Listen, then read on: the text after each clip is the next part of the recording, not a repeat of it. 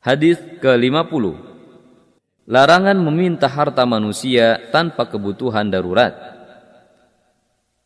عن ابي هريره رضي الله عنه قال قال رسول الله صلى الله عليه وسلم من سال الناس اموالهم تكثرا فانما يسال جمرا فليستقل أو ليستكثر Dari Abu Hurairah radhiyallahu anhu ia berkata, Rasulullah Shallallahu Alaihi Wasallam bersabda, Barang siapa meminta-minta kepada manusia harta mereka untuk memperbanyak hartanya, maka sesungguhnya dia hanyalah sedang meminta bara api neraka.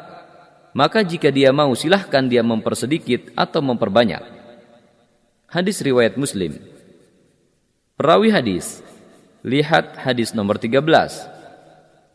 Beberapa faedah hadis ini adalah Hadis ini melarang keras orang yang meminta harta manusia tanpa kebutuhan darurat.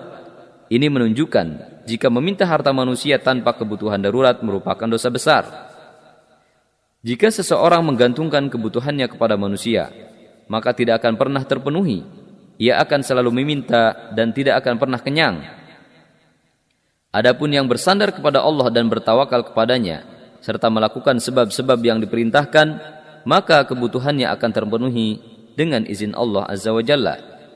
Karena Allah Subhanahu wa taala telah berfirman karena Allah Subhanahu wa taala telah berfirman, "Wa may yatawakkal 'ala Allah fahuwa hasbuh."